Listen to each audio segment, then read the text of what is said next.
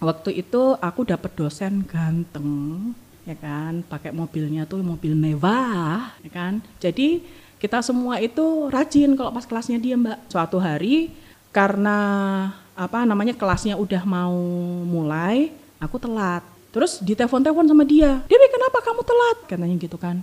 E, sorry aku salah naik kereta. Kok bisa? E, salah naik kereta. Iya soalnya maaf ya soalnya saya lagi patah hati tadi ngelalau ngalamun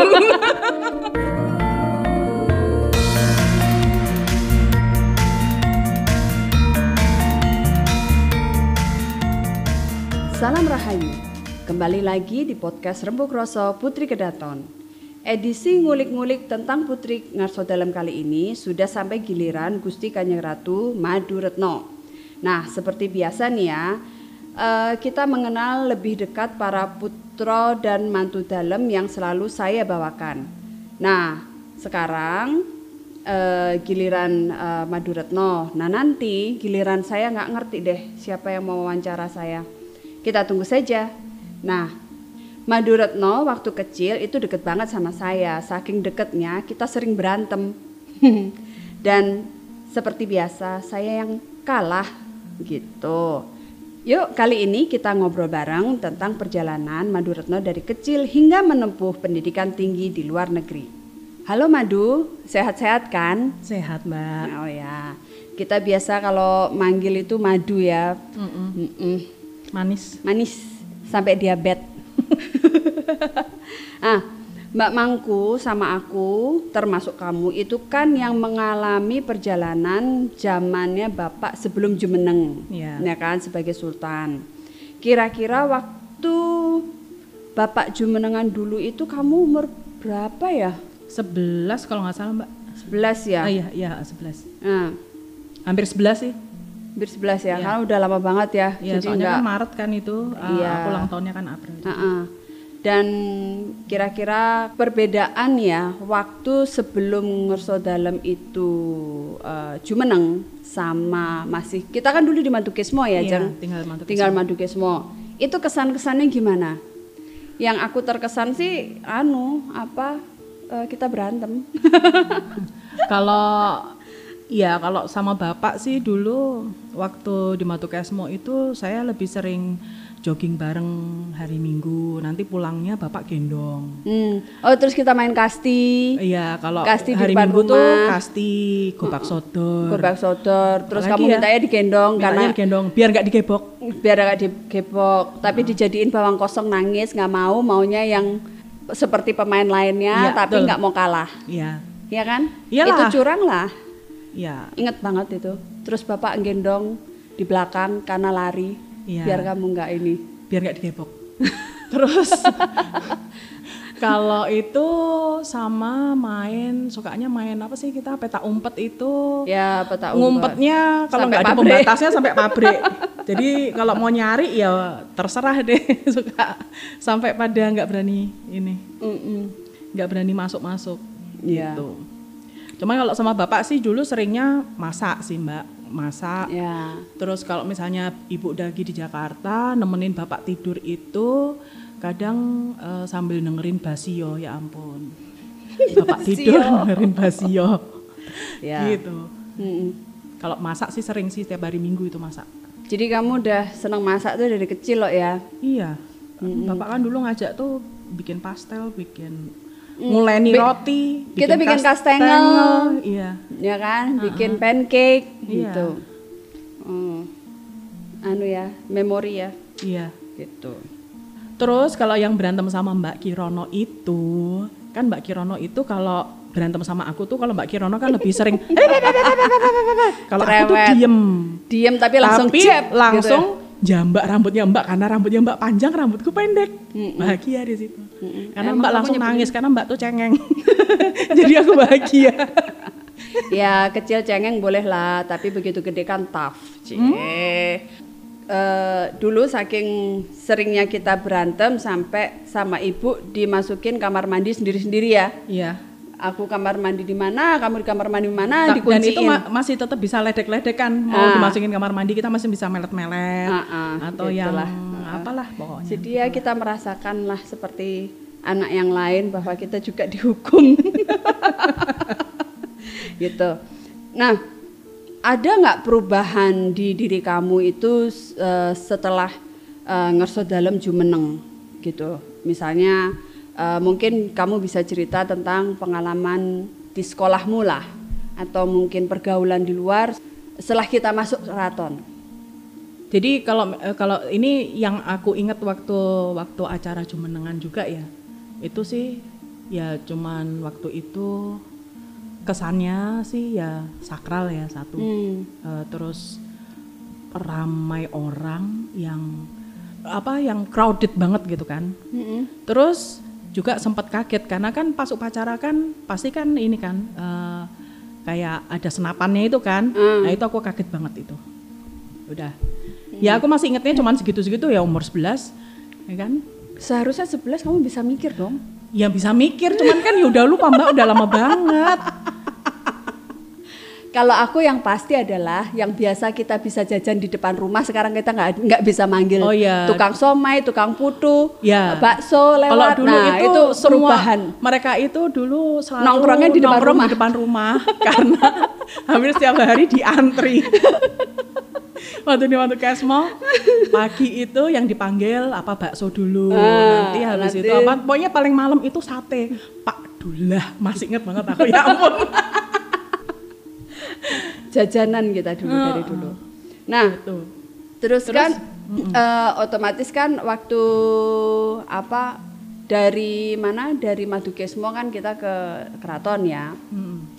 Lalu uh, perubahan dari pertemanan sama aja sih ya, Enggak sih, sama sih. aja. Uh, ya dari dulu sih emang saya hobi bergaul ya, jadi ya udah sama aja sih teman-temannya banyak. Ya tetap sama aja cuman itu itu aja juga. Geng-gengnya. Ya. gitu. Uh, terus kita kan semua dulu itu begitu menginjak kalau aku SMP sih ya SMP kelas 2 kelas 3 aku pindah. Hmm. kalau uh, pindah ke Singapura. Kalau nggak salah kamu pindah ke luar negeri itu SMA ya? Enggak, SMP kelas 3 oh SMP kelas 3 ya? Uh. Uh, Australia toh ya? Iya. Hmm Coba pertanyaanku sih sama seperti Hayu sama Bendoro.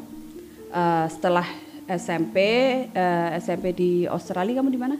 Di aku SMP-nya sama SMA-nya itu di Indooroopilly State High School hmm. di Brisbane lah di, kota Brisbane, Brisbane ya. Ha-ha. Kita semua dilempar ke sana semua, Ha-ha. bukan dilempar sih, dipindahkan lah. Daripada terlalu banyak cerewet di Jogja, dipindahkan ke sana semua. Iya. Gitu. Coba deh, uh, kayak kemarin kan aku juga nanya sama Hayu kan, sama Bentoro juga pengalaman kalian di luar negeri seperti apa. Hmm. Misalnya kalau kamu kan di Australia, ya kan. Nah, pengalamanmu piye di sana? Ya, waktu kan waktu ke Australia itu pertamanya sih aku sekolah bahasa Inggris dulu nggak langsung masuk iya kita semua ya ya kan hmm. uh, apa kalau nggak salah enam bulan apa ya hmm. itu kan hmm.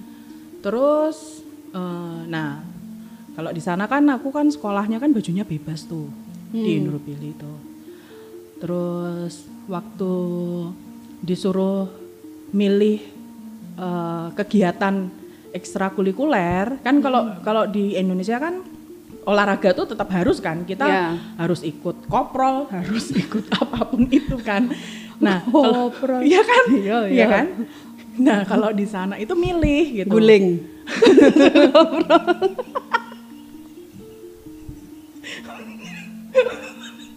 Atau gelundung. Gelundung gelundung gelundung.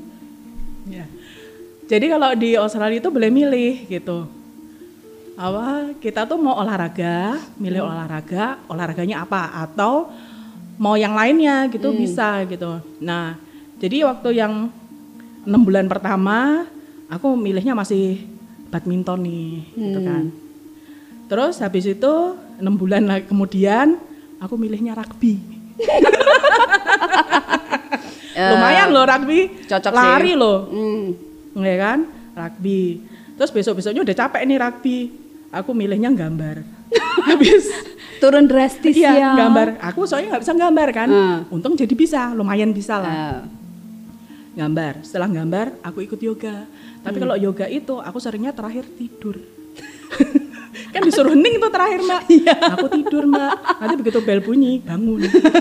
Gitu. Aku juga pernah tuh yoga. Tidur. ya iya kan? Iya. ya gitu. Ya cuman ya waktu sekolah dulu eh, bukannya aku tuh nggak mau bergaul sama orang-orang ya.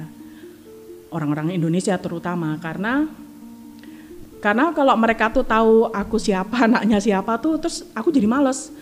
Karena pernah tuh suatu hari ada lah gitu kan. Jadi dia tuh temen dari temen dari sekolah bahasa Inggris yang tadinya nyuekin aku sama sekali.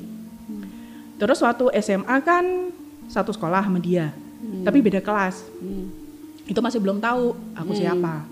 One day dia tahu aku siapa. Hmm. dari gengnya mereka lah. Hmm. tiba-tiba deketin. Eh Dewi eh, aku jualan sepatu loh. Mau beli sepatu nggak? Nggak butuh sepatu. Aku jualan tas loh. Kamu mau tas nggak? Aku nggak butuh tas. Gitu. Jadi Aku butuh jadi uang bulanan Ah, kiriman. yang rutin. Kadang kita ngalamin loh mbak, inget nggak kita tuh ngalamin loh suka telat dikirimin uang ya bukan berarti kita tuh anaknya bapak ibu itu lancar jaya ya urusan. dijatah. Oh udah dijatah, ngepres, ya kan, Hmm. harus ngirit. Harus ngirit. Udah gitu, ini lagi apa namanya suka telat. Hmm. Kalau udah telat, itu pernah lo aku ngalamin yang namanya aku sama Mbak Mangku itu ngais-ngais uang receh ya kita berdua cuman demi kita pengen pizza masih ada uang nggak kita ngais-ngais ada tabungan receh berapa kita berdua Kasian loh ya. kasian banget Hmm. terus belanjanya setiap hari minggu nunggu 50% off Lima persen ya, ya kan? diskon. Ya, diskon semua makanan Minggu. diskon termasuk daging Mm-mm. ya kita belinya bisa berkilo-kilo itu demi irit Hmm. gitu Kalau aku nyetir ya istilahnya dari keraton sampai mana ya Hyatt gitu Hmm. karena di situ kayak eh, apa daerah yang agak luar kota Hmm. karena di situ dagingnya murah. oke Jadi dibela-belain setiap hari Minggu belanjanya di situ. Nah, Gitu. Tapi yang ada lagi lucu waktu yang Hayu dulu sempat di Brisbane juga tinggal sama aku itu mbak, Kenapa? itu lucu lagi. Dia kan makanannya salmon ya pagi ya siang sore malam. Hmm. Dulu salmon tuh kan mahal mbak. Mahal. Yang paling murah tuh kan ikan kot, Mm-mm. ya kan. Aku bilang sama Hayu, Jeng, ini uangnya kalau pagi siang sore malam kamu makannya salmon, nggak cukup ya. Ada kotnya ya pokoknya gitu. Kamu makannya cuma sehari satu kali aja salmonnya, Dijatah. jangan sehari tiga kali. Terus udah gitu curang. Dia tuh suka nggak mau ikut belanja mbak. Padahal kita kan bawa beras tuh mbak. Ah. Terus aku cuma ngomongnya gini, kamu mau ikut makan nggak? Kalau nggak mau, kalau nggak ikut makan nggak apa-apa. Tapi kalau kamu mau ikut makan, ikut belanja. belanja angkat tuh beras. Angkat tuh beras. Jadi kita di maksudnya di luar negeri itu bukan berarti kita juga dapat suatu layanan yang spesial Iya, ya. betul. Kita juga anu sendi- survive sendiri ya. iya, gitu. aku juga naik bis, Ya. Ya, ya, ya, ya. ya kan? Gitu. Nah, terus kalau nggak salah kan kamu kan juga di Australia sekolah perhotelan ya kalau nggak salah ya. Iya, itu ya waktu oh ya habis ya di Brisbane itu kan habis SMA terus aku kuliah ambil perhotelan. Hmm. Eh, perhotelan itu ya aku juga ikut training juga, sempat Magang gitu? iya magang, magangnya itu jadi bartender. Hmm. Terus apa? Di pubnya satu. Jadi eh, kita tuh praktek sama sekolah di satu hotel. Jadi di ruangan bawah itu kita kadang sekolahnya di situ.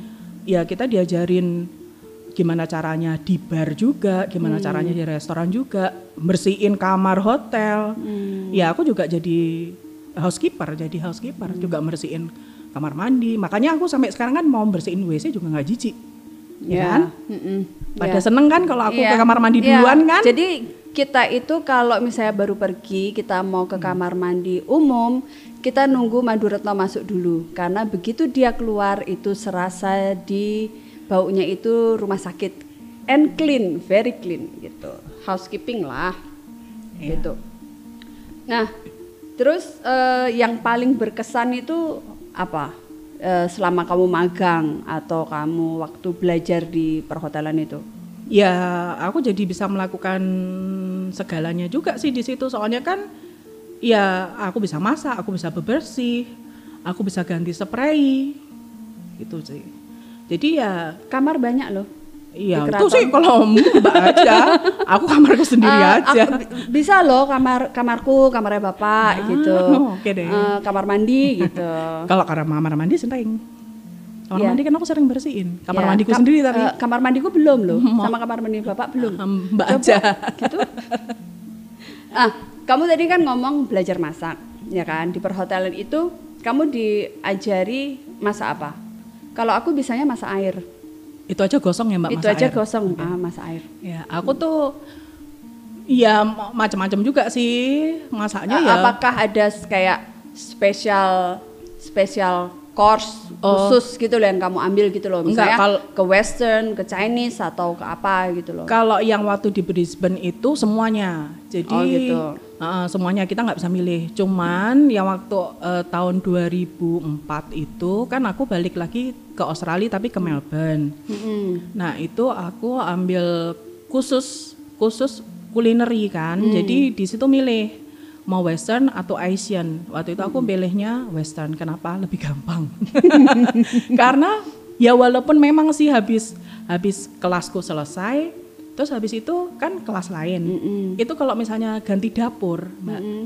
itu udah yang dicantolin tuh bebek panggang gitu-gitu Wow. kan. Wah, rasanya kan lapar banget ya lihatnya gitu.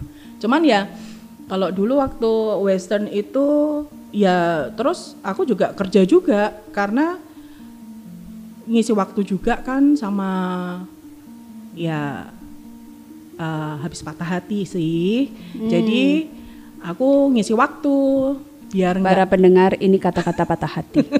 Jadi biar aku nggak nginget-nginget gitu. Tapi ada satu waktu itu aku dapet dosen ganteng. Hmm. ya kan pakai mobilnya tuh mobil mewah. Hmm. ya kan? Jadi kita semua itu rajin kalau pas kelasnya dia mbak oh gitu Iya rajin kayaknya itu semua mahasiswa mah- eh, semua Mahasiswi, mahasiswi itu di iya. itu sama Iya, baik di Indonesia rajin. ataupun di mana aja sama itu rajin banget mbak Mm-mm. nah waktu termotivasi gitu ya suatu hari karena apa namanya kelasnya udah mau mulai aku telat Hmm. Terus ditelepon-telepon sama dia, sama dosenku aku ditelepon. Dewi kenapa kamu telat gitu kan? Waktu itu namanya kamu masih Dewi ya Iya, nama. heeh. nama aku waktu masih Dewi dipanggilnya. "Eh, kenapa kamu telat katanya gitu kan? "Eh, sorry, aku salah naik kereta. Hmm. Kok bisa eh, salah naik kereta? Iya soalnya maaf ya, soalnya saya lagi patah hati tadi ngelalau ngalamun. Dianya bukan marah, ngetawain sampai aku masuk ke kelas, dia masih ketawain dong. Please deh. Gitu. Jadi gini, dalam keluarga itu yang sering masak itu kamu ya, Ya. ya kan? Eh, misalnya kalau ada acara atau apa tuh kamu yang sering masak gitu. Tapi aku pernah menawarkan diri untuk masak, tapi selalu ditolak sama seluruh keluarga Mm-mm. karena takut masuk rumah sakit. Mm-mm. Mm-mm. Oke. Bukan masalah masuk rumah sakit sih Mbak, cuman ya eh, terbukti bahwa kemarin Mbak bikin itu gayanya mini puffer cheese. ya ampun puffer cheese dari mana? Rasanya hancur, warnanya gosong. Kita tuh mau nggak makan sedih, makan juga sedih. Terus harus gimana dong? Ya udahlah dimakan aja. Eh, Itu itu bukan, itu yang gosong itu bukan karena itu karena ada gulanya. Ya tapi tetap gosong kan. Itu namanya itu bukan sama Hayu anu agak dikecilin padahal itu udah kecil banget gitu loh. Itu namanya bukan puffer cheese, Mbak. Apa? Itu namanya puffer cheese karamel. Oh ya, ya karena kara ada karamelnya itu jadi gosong. Kan gula kan gosong kena panas. Ngono ki lho. Eh, dari segala jenis eh, masak memasak nih Ajeng, kamu lebih prefer masak apa? Kan kamu eh, kalau Hayu kayaknya lebih seneng Japanese ya, kalau nggak salah. Ning koyone Japanese meng dekne meng gawe ramen tok wi. Udang tok ya. Masa sih? Enggak. ah. Dia Mas- bikin dia bikin gyudong. Tapi aku nggak pernah dapet masalahnya. Nah, masalahnya dia makan sendiri sama suaminya doang. Nah, itu kan curang kan? ya Berarti- sebenarnya aku tadi malam juga bikin gyudong, Mbak. Tapi yang makan cuma aku sama bojoku. Ah, kan curang kan pada curang gitu loh. Hanya hanya tidak pernah memikirkan eh, orang lain. Mbak, hanya memikirkan pasangan. Itu- Padahal kamu itu disekolahkan jauh-jauh oleh bapak sama ibu. Ya seharusnya kamu itu masak untuk bapak ibu dan kakakmu yang serumah. Mbak, aku tuh sebenarnya sebenarnya mikirin Mbak juga supaya Mbak nggak gendut. Eh, aku setiap pagi sekarang udah jalan kaki ya. Oke. Jadi waktu aku tuh ambil kuliah yang waktu di Melbourne itu, Hmm. eh kan aku ambilnya Western waktu itu. Ah, Nah itu biasanya siang itu kan kita juga ada apa namanya juga ada kafe yang dibuka gitu siang ya, di di hotel itu. di waktu itu sih kampus cuman Oh, di memang kampus. kampusku itu tuh daerah-daerah orang pensiunan gitu mbak jadi yang tamunya banyak yang tuh udah sepuh-sepuh Hmm. Gitu heeh. tapi ya lumayan rame gitu kafenya jadi biasanya kalau misalnya kan seminggu sekali tuh kita buka kafenya eh, giliran sih ya. Kalau aku dapatnya seminggu sekali. Jadi dalam tiga bulan misalnya aku cuman kebagian bikin apa eh, puding karamel misalnya. Ya udah tiga bulan tuh puding karamel terus gitu. Jadi kan eh, aku nggak nggak bingung gitu. Cuman kalau misalnya pas praktek Mm-mm. ya suka-suka gurunya aja. Misalnya hari ini aku pengen kalian bikin apa misalnya gitu.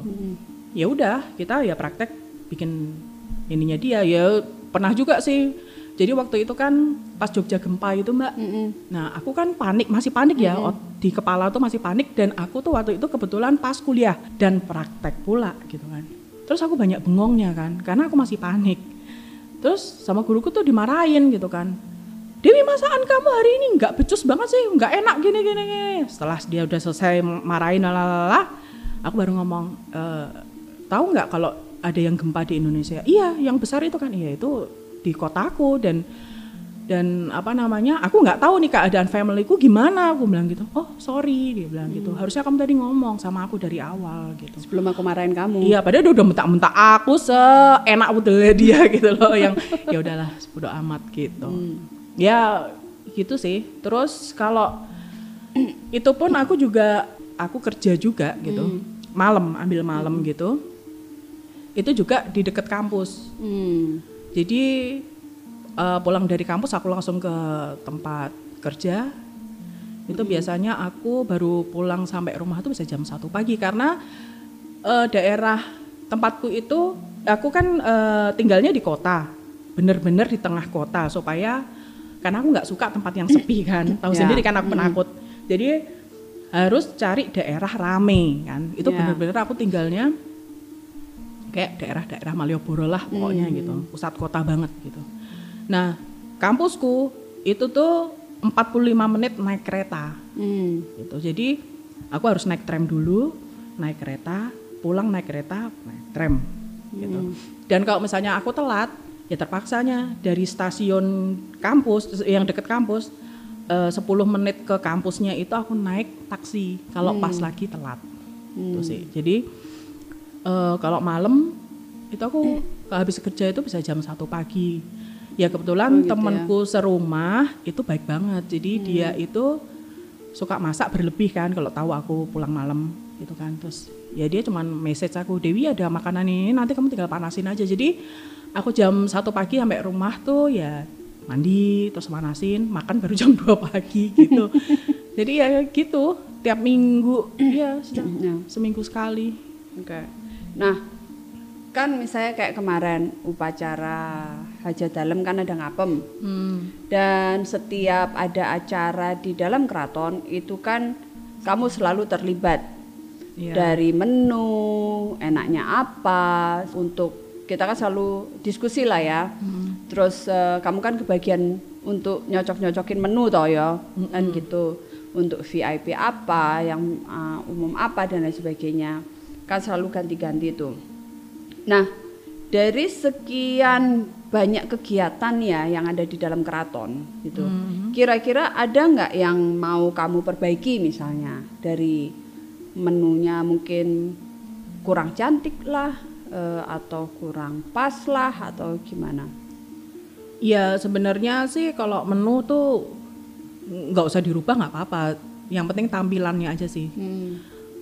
Jadi kalau misalnya untuk tamu kayak VIP atau Ya. VVIP gitu kan, itu kan pasti ya tampilan harus menarik dong. Ya. Tuh, jadi ya mungkin masakan bisa masakan Jawa gitu, tapi dikasih penampilan yang manis Hmm. kan. Kalau ya yang kira-kira menarik untuk dimakan lah. Kita kan selalu tes food eh, dulu ya sebelum Iya. sebelum apa sebelum dipresentasikan maksudnya Seben- sebelum hari H. Sebenarnya bukan tes food mbak, kita tuh makan dulu biar kenyang. Enggak kan kita kan nyoba dulu kan. Ya nyoba sepiring kalau kalau kita. Eh, iya sih nyoba eh, eh, sekalian makan Iya, gitu terus lihat penampilannya dan lain sebagainya sebagainya kan. iya. Dan biasanya kalau tamu-tamu dari luar negeri itu kita juga selalu nanyain mereka alergi apa dan bagaimana kan. Iya. Jadi kita harus tahu juga. Karena kebanyakan itu kalau saya yang saya tahu sih orang bule ya cenderung bule itu eh, mereka itu Amerika atau Australia itu rata-rata alergi kacang kan mereka Ya. gitu. Kalau orang Eropa kayaknya malah aku nggak tahu ya kayaknya mereka nggak terlalu alergi kacang ya. Aku juga nggak tahu kenapa kok banyak kan Australia sama Amerika yang alergi Ya, kacang. Untung tamu-tamunya Bapak itu yang orang Indonesia itu tidak banyak yang alergi. Iya. Apa aja kerso. Ah, apa aja mau ya. Bagus lah. Jadi nggak ribet. Iya. Nah, ini aku mau nanya nih. Kira-kira ada kesan-kesan nggak yang terkait sama masak memasak antara dirimu sama ngerso dalam atau ibu atau Mbak Mangku atau Aku atau adik-adik? Ah, ya yang paling banyak sih aku masak sama bapak ya. Sama ibu nggak pernah. Sama aku? Enggak. Oh, Sama mbak mangku doang kan. oh. Oh, aku aku bantu kamu loh, Jeng. Mbak cuman bantu makan sama Enggak, ngabisin. aku bantu lihat. Jeng habis ini yang dimasukin apa? Kan aku bantu motong-motong. Ah, emang motong-motong? Nggak pernah. Oh, nggak pernah ya? Nggak pernah. Oh, aku cuman Jeng udah jadi belum Ah, i- gitu itu ya. Namanya bukan bantu mbak, merintah. Oh, merintah. Jeng udah jadi belum? Udah jadi belum gitu kan. Belum. Gitu ya. Mm-mm. Jadi kalau aku sama Mbak Mangku sih ya dulu sering masak kan waktu zaman di di tinggal bareng itu. Ya Aku bukannya nggak suka masak. Aku tahu karena kalau aku masak itu kamu kalah sama aku. Jadi udahlah kamu aja. Aku yang sukanya bersih-bersih aja. hmm, oke. Emang Mbak bersih-bersih enggak juga sih, Mbak? eh, aku bersihin apartemennya Ayu loh. ah, tapi kan cuma hayu. Oh iya. Kamarku Mbak nggak pernah bersihin. Aku pernah bersihin waktu kamu sakit tok. Ah. Tak bantuin, Ya. Oke. tak bantuin, tak bersihin, tak eh, sedotin, eh, suruhan sih sedotannya. Hmm, iya. Kemarin itu kalau nggak salah waktu acara hajat dalam tuh ya Jang, kamu itu eh make lima tungku ya untuk bikin apem ya? Iya, pas terakhir-terakhir sih soalnya kan biar ngebut juga.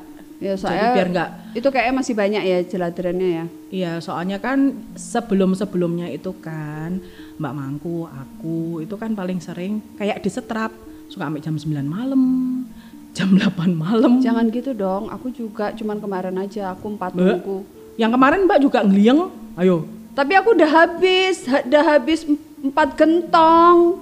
Ya ampun, kasihan Aku empat gentong. Oke. Oh, iya. Nah, kenapa aku itu rata-rata itu paling cuman dua apa namanya? Dua gentong. Dua gentong. Karena kalau aku itu kalau bikin itu selalu mumbul terus. Jadi nggak habis-habis minyak aku itu. Wow. Gitu seringnya. Salahnya. Kayak kemarin kayak tempatnya kalau nggak salah bukus. Bukus itu juga itu mumbul terus. Jadi Iya. makanya eh, sampai sore. Iya, aku tuh rata-rata tuh dua atau tiga itu tuh mesti mumbul terus. Karena nggak kamu aduk kali. Udah tak aduk terus. Ya aku setiap kali mau naruh aja adonan aja juga tak aduk. Sebelum itu tak aduk. Aku itu ya mungkin sama kayak badanku mumbul-mumbul.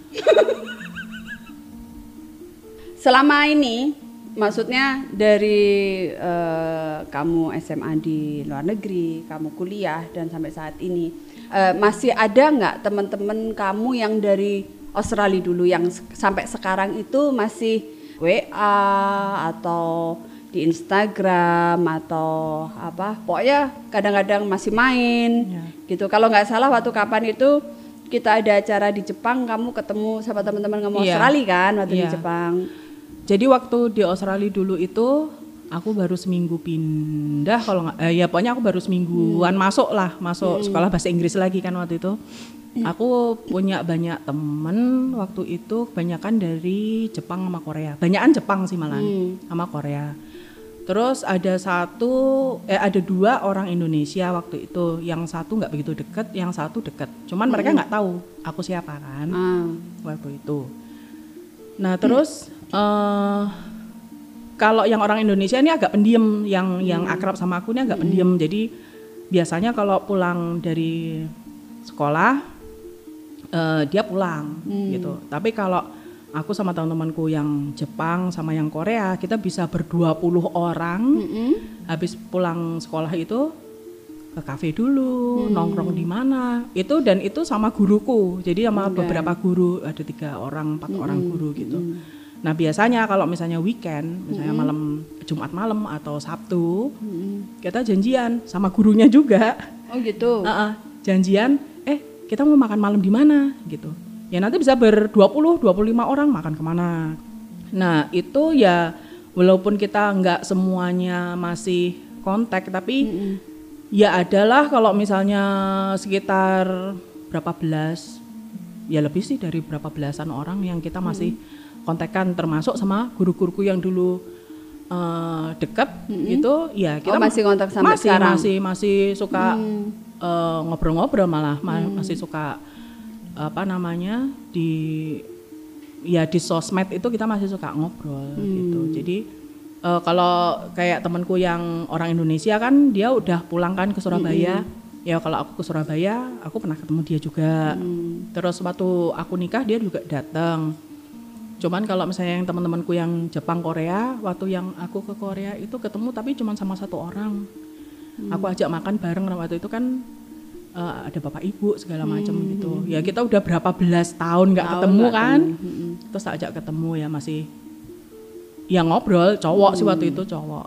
Eh, terus kalau yang di Jepang tuh lebih sering sih aku ketemu. Jadi eh, biasanya kita berempat kan dulu kalau ke mana-mana tuh yang paling akrab tuh berempat. Hmm. Yasuko eh, Izumi Kumi Ikuo cowok Hmm. gitu ya udah berempat ini yang sampai sekarang masih selalu keep in touch. Iya dan kadang kita kangen-kangenan gitu. Hmm.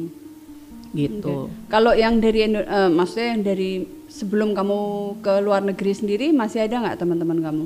Iya, kalau dari dulu kan sebelum aku masuk TK tuh kan ada satu cewek, sahabat cewek gitu ya. Ya aku kenalannya kan kan dulu bapaknya dia eh, itu temennya ibu kayaknya kalau nggak salah, temennya ibu kerja di eh, salah satu pabrik lah dulu. Terus dikenalin sama ibu kan. Eh, ini anaknya, anaknya temennya ibu gitu. Terus akrab dari sebelum masuk TK dan itu sampai sekarang sampai bosen liatnya gitu kan gitu ya mbak tahu lah siapa Iya. itu ya kan Mhm. nah terus itu sampai sekarang Hmm. terus ya kebanyakan aku juga teman-temannya cowok sih Hmm. Jadi biasanya tuh teman-teman cowok atau cewek yang tomboy kalau yang cewek banget tuh kayaknya enggak deh apalagi yang rempong-rempong gitu enggak deh gitu jadi Oke. Ya.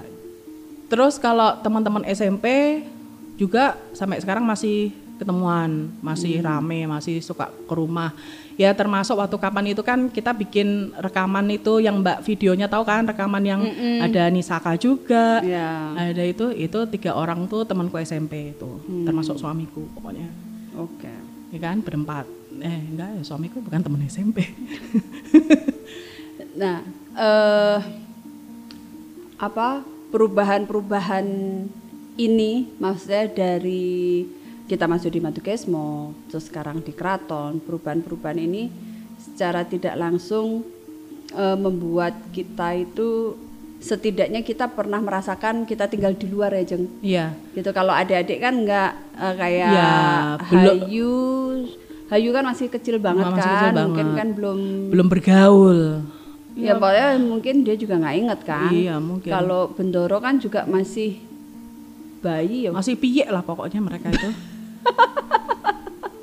jadi belum sempat merasakan bagaimana tinggal di luar keraton waktu Iya. itu ya Kalau kan dulu kan kita bandel tuh suka naik ke naik atas, pohon naik lori juga, lori dan lain sebagainya tebu, Heeh. ya kan? terus kita ke sekolah itu pakai bus Ya, habis sekolah ya. ke sekolah ya kan terus yang sekarang kalau dibilang ya rada-rada kayak kaleng kerupuk gitu kan bentuknya. Oh, oh, sekarang.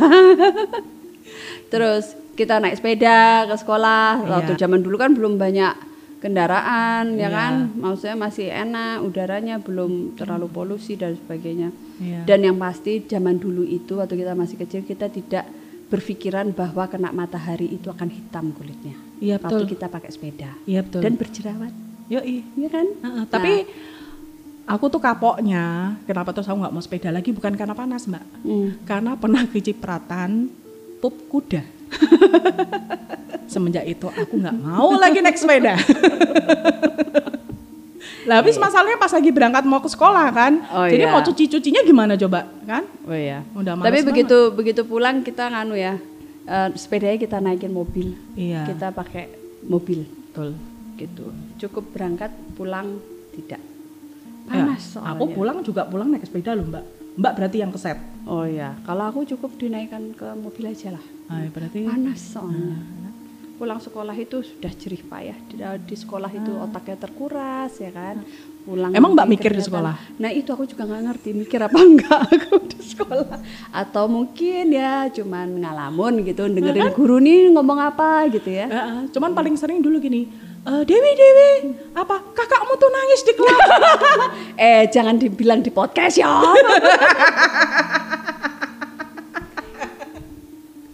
ya mak maklum. Tapi eh, walaupun aku cengeng waktu mud- eh, kecilnya, sekarang aku tuh tangguh, Oke, kuat.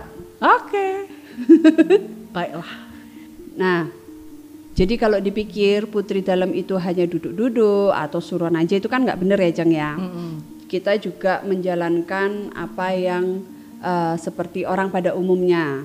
Jadi kita juga pernah pakai bus, kita apa pakai kereta, kita nyuci, kita Ya. setrika, sebagainya, masak dan lain sebagainya. Gitu. Jadi eh, baik itu tugas sekolah atau keluarga besar kamu juga sering masak ya kan. Terus kita juga kalau ada tamu kita juga mengatur semuanya baik itu apa skala kecil atau skala besar kita terjun langsung semuanya putri-putri dalam itu gitu. Cih, baik. Semoga obrolan dalam podcast Rembuk Rosso Putri Kedaton kali ini bisa menjadi inspirasi ya Jeng ya bagi seluruh pendengar.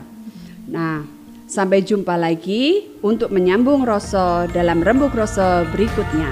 Bareng.